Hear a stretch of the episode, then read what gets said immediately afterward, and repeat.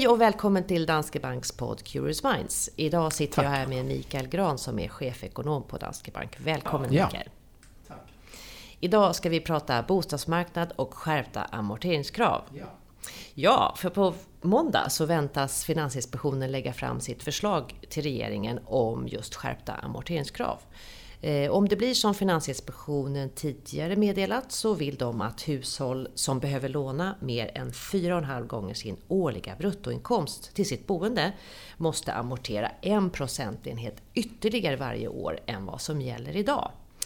Ja, den senaste tiden har ju kritiska röster hörts om detta mot att införa den här typen av krav eftersom det kan innebära stora prisfall på bostäder. Delar du den uppfattningen Mikael? Eh, ja, det kan man väl säga att jag gör delvis. Eh, det är ju så att de här hushållen då som drabbas av den här extra procentenheten, de eh, amorterar väl redan idag eh, 2 % eh, på sina lån. Så då skulle de komma upp i 3% Det vill säga ungefär samma takt som man hade tidigare om man hade ett 30-årigt lån. Så det är ju, då börjar det ju bli ganska eh, tuffa krav. Man amorterar mycket helt enkelt. Och, Eh, eh kommer det där leda till eh, bostadsprisfall? Jag tycker mm. att nu när man ser att bostadspriserna börjar gå ner som vi har sett under sommaren här och vi inte riktigt vet hur mycket eh, Ja, hur stora de här fallen är därför att det spekuleras ju hej vilt i media om det är bara några procent eller om det är 10-15 mm. procent, mm. hur mycket det nu är. Så tycker jag att det verkar eh, inte helt övertygande att man ska införa de här nu. Därför att nu sker ju den där anpassningen som man har varit ute efter tidigare. Nu börjar ju bostadspriserna lugna ner sig. Så att jag har svårt att se vad det är för poäng att göra nu. Det kan ju vara så i värsta fall som, som, som en del säger då att det här spär på en nedgång som redan är påbörjad. Mm. Um, så att jag tycker nog att man skulle kunna uh, lugna sig lite grann med att göra det här. Precis, för, vad, för vad skulle egentligen sån här den här inbromsningen innebära för dels för de svenska hushållen förstås, men också för byggbolagen? Ja, för de byggbolag då som har... Ehm, för det verkar ju som att det finns en hel del såna bostadsutvecklare, som det så fint heter, som har ehm, tagit rygg på den här kraftiga uppgången, tidigare års kraftiga uppgång i, i bostadsrätter och, och eh, eh, kunnat göra väldigt bra vinster på det här. Och det är ju lite grann spekulation naturligtvis. Att det ska finnas en grupp eh, starka eh, köpare som, som, som köper de här bostadsrätterna som de producerar. Och som då är väldigt dyra. Och nu visar det sig att den efterfrågan kanske inte är riktigt lika god som, som man hade hoppats på på många håll. Så det är det vi ser tror jag. Och som, som jag ser det så är problemet, eh, det här med fallande bostadspriser, det är väl mer koncentrerat just till dyra bostadsrätter än någonting annat. Och, och, jag tror kanske inte bara det är ett storstadsfenomen utan att det är... Ja, för det var en fråga också, är ja. det ett storstadsfenomen eller? Det är kanske är mer, mer förekommande i, i eh, storstadsregionerna men jag tror definitivt att det finns eh, bostäder som byggs även eh, på andra håll Eh, i de mellanstora städerna och så vidare som, som också är, tillhör den kategorin. Kanske inte riktigt extremt eh, eh, dyra men, men jag tror att problematiken kan vara ungefär densamma.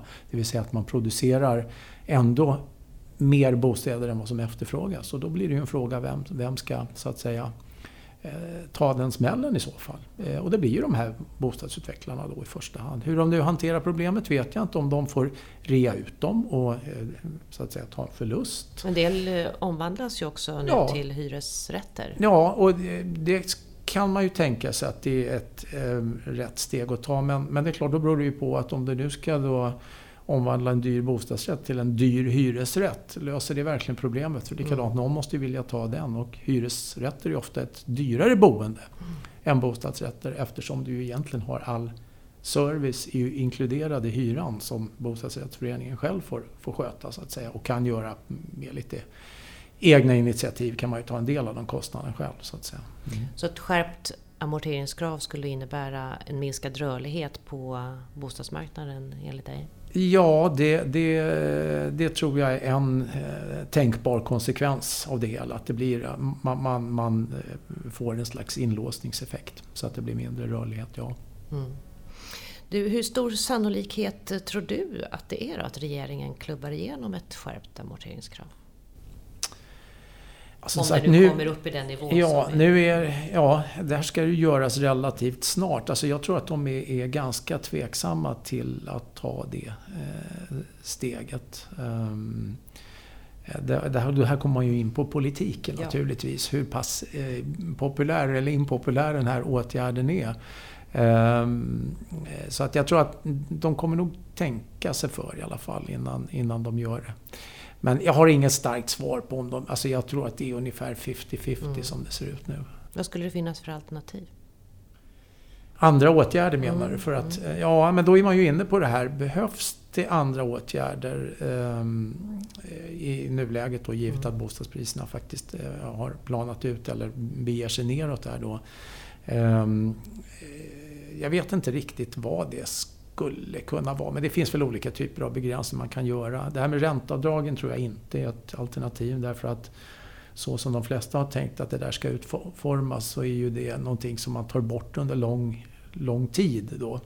Och jag menar, antingen anser man att man behöver göra någonting nu och då skulle man ju ta bort ränteavdragen direkt. Vilket mm. jag inte i alla fall har sett att någon egentligen har föreslagit. Så att, eh, det tror jag inte är ett alternativ. Men det finns ju olika sätt man kan laborera med, med eh, olika begränsningar på hur mycket hushållen får låna helt enkelt. Det, det är väl varianter på det här med mm. amorteringskrav eller skuldsättningstak. Någonting i den stilen som, som, som skulle vara ett alternativ.